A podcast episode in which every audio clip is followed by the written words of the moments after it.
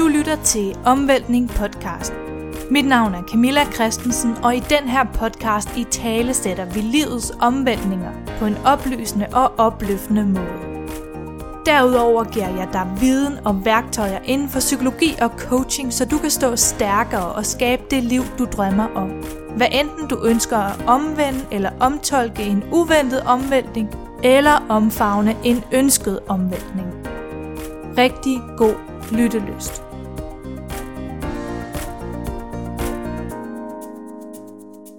Velkommen til den her solo-episode af Omvæltning podcast, som udkommer på en øh, helt særlig udvalgt dag, nemlig den 20. marts 2021. Det er den såkaldte International Day of Happiness, som øh, oversat til dansk betyder glædens dag. Og øh, jeg synes jo, det er helt fantastisk at fejre glæden, men jeg har alligevel valgt at tage et helt andet take på netop glæde i det her afsnit, og det vil jeg lige vende tilbage til. Først så vil jeg gerne pointere, at jeg synes selvfølgelig, det er fantastisk at fejre glæden og fokusere på alt det, der går godt. Det skal der ikke være nogen tvivl om. Der er nemlig rigtig mange videnskabelige studier, som viser, at hvis vi dagligt har et fokus på vores glæde og vores taknemmelighed, så vil vi også helt automatisk opleve mere glæde i livet. Det gælder både livet generelt, men også hvis du står i en omvæltning. Og mit fokus som coach, det er i høj grad også at hjælpe andre med at se mulighederne i en omvæltning frem for begrænsningerne og opfordre og hjælpe folk med at gøre mere af det, der bringer glæde frem hos dem. Men når det så er sagt, så har jeg alligevel valgt at tage et andet take på netop den her dag, fordi jeg så det som en chance til at få belyst noget, som jeg især har som hjertesag. Jeg oplever og ser en tendens til, at det her med at skulle være glad og føle positivitet, det bliver et pres hos rigtig mange. Og jeg mener, det er en stor misforståelse, at man bare skal smile sig til at være glad, især hvis man står midt i en omvæltning. Jeg mener, at der også skal være plads til de her svære tanker og følelser, både i livet og i omvæltningerne. Og en af de måder, vi kan gribe det her an på, det er jo selvfølgelig at snakke højt om det svære og dele ud af det, så det bliver mindre tabuiseret. Og det er også en af grundene til, at jeg så gerne vil have gæster ind i min podcast, som kan sætte ord på deres omvæltninger. Og det kan du jo høre mine seje gæster fortælle om i de afsnit, jeg allerede har udgivet. Det jeg i stedet vil fokusere på i det her afsnit, det er at dykke lidt ned i den her tendens og pres til at skulle være glad og positiv, selvom man ikke er det. For det findes der faktisk flere begreber for.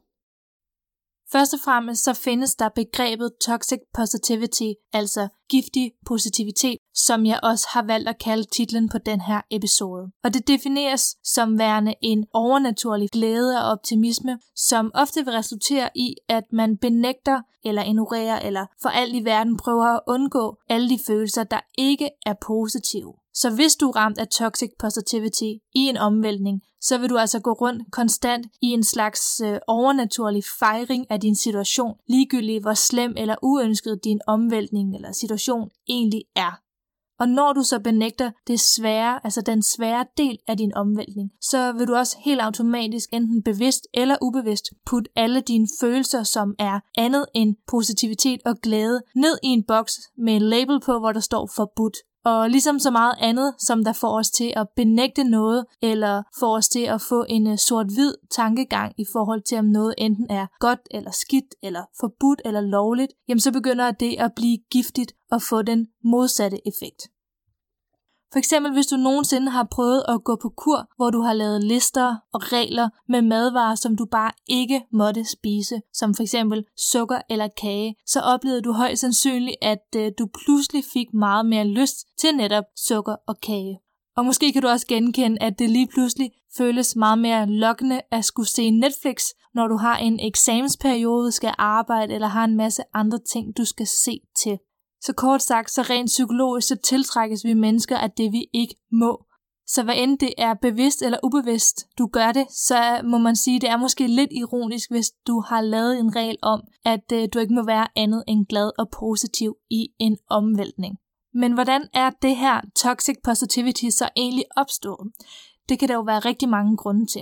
Og jeg tror ikke, at der kan være nogen tvivl, eller jeg tror ikke, der er nogen, der er uenige med mig i, at det i hvert fald er blevet endnu værre med udbredelsen af sociale medier, som for eksempel Instagram. Fordi på Instagram, der bliver puttet filter på, der bliver iscenesat, og der bliver vinklet, så at alt ser godt ud, og alt det grimme og alt det, som ikke ser godt ud, det bliver skåret fra. Og i forlængelse af det, så er hashtags for eksempel som blessed og good vibes only og gratitude, de er øh, enormt eksploderet. Så når vi scroller ned gennem Instagram, så kan vi meget hurtigt komme til at glemme, at det er et udsnit af det store billede. Ligesom glæde og positivitet kun er et udsnit af alle de naturlige følelser og tanker, vi mennesker har.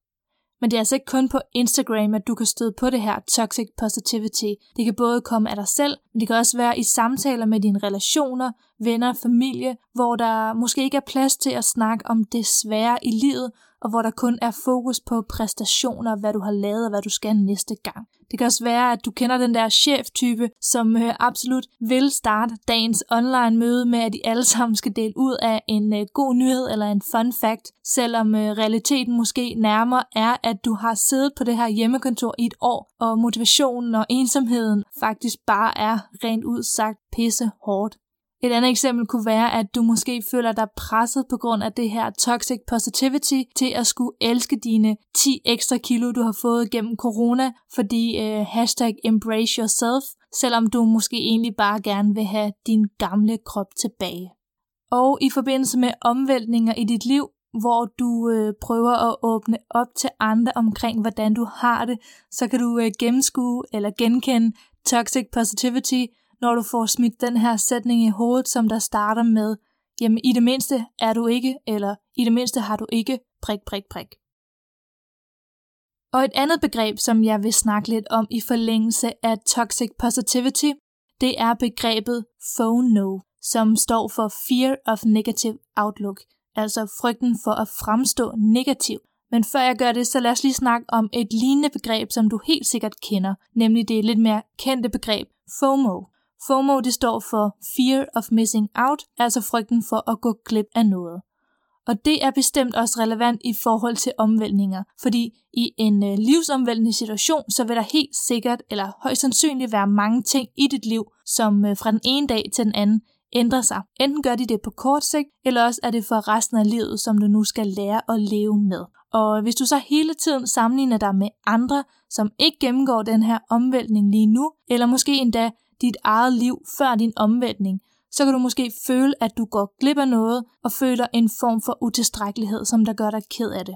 Måske tænker du, hvordan dit liv har set ud, hvis din omvæltning ikke var sket for dig, osv. osv. Det er altså her begrebet FOMO kommer ind i forbindelse med en omvæltning.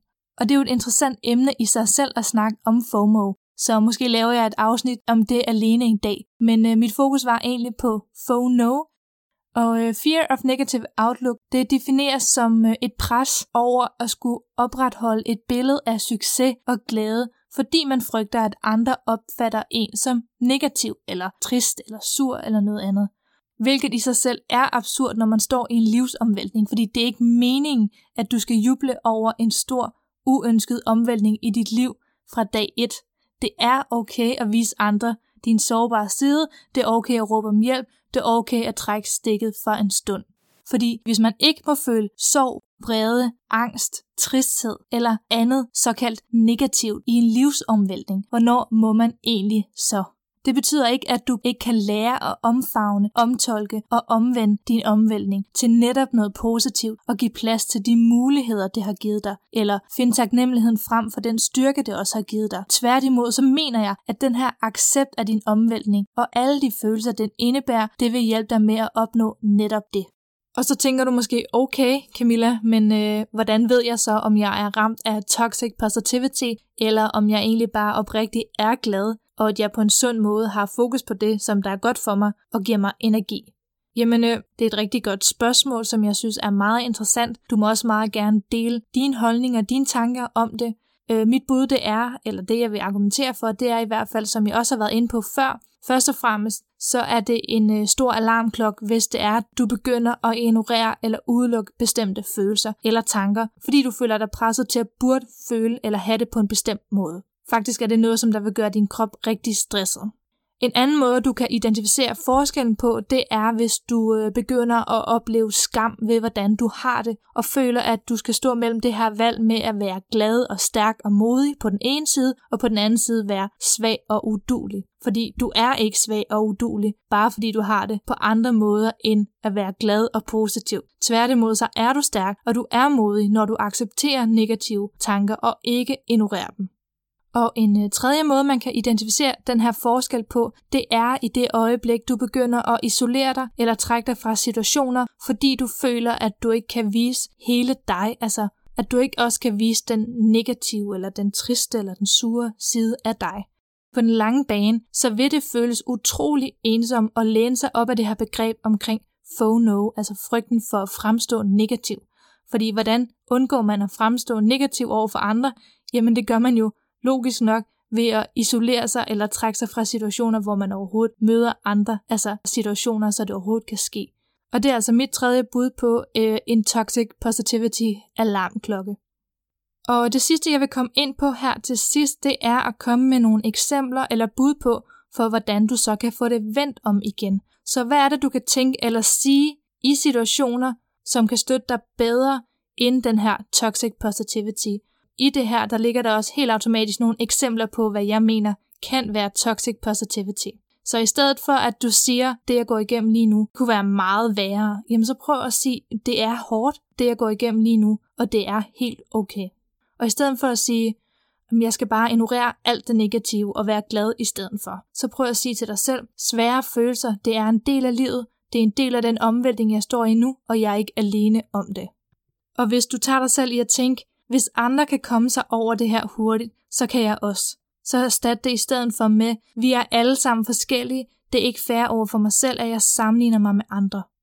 Og i stedet for at sige, omvæltninger er pinlige, og det er en katastrofe, og det ødelægger hele mit liv, så sig til dig selv, omvæltninger er både en del af min udvikling og succes her i livet. Og i stedet for at sige, jeg må forblive stærk over for andre, så sig til dig selv, min omgangskreds er der også for mig, når det går mindre godt. Og til allersidst min egen lille favorit på hadelisten over toxic positivity, det er good vibes only. Den brækker jeg mig næsten over at høre nogle gange. I stedet for kan du sige til dig selv, alle følelser og tanker er okay. Afslutningsvis så vil jeg gerne sige, at øh, som jeg også sagde i starten, jeg er absolut ikke modstander af glæde og positivitet. Som coach, der går jeg rigtig meget op i at skabe glæde og positivitet hos mine klienter. Men jeg synes også, at netop den her International Day of Happiness, det var den perfekte situation til os at belyse bagsiden af hele det her pres, der kan være omkring at føle glæde og positivitet. Jeg tror på helt personligt, at vi må acceptere os selv som hele mennesker, og at omvæltninger er en del af livet, på samme måde som de negative og positive følelser også er. Så jeg håber, at den her episode gav dig noget at reflektere over. Du må meget gerne dele den med nogen, du kender, som kunne være interesseret i at høre det også. Og så er du også meget velkommen til at dele dine egne tanker om emnet med mig, enten ved at sende en mail eller som kommentar på podcastens Instagram og Facebook. Jeg er begyndt at dele meget mere ud på, øh, på de sociale medier, på Instagram og Facebook, så gå ind og følg mig derinde. Jeg hedder Omvæltning. Og ellers så må du have det rigtig godt og glædelig International Day of Happiness herfra.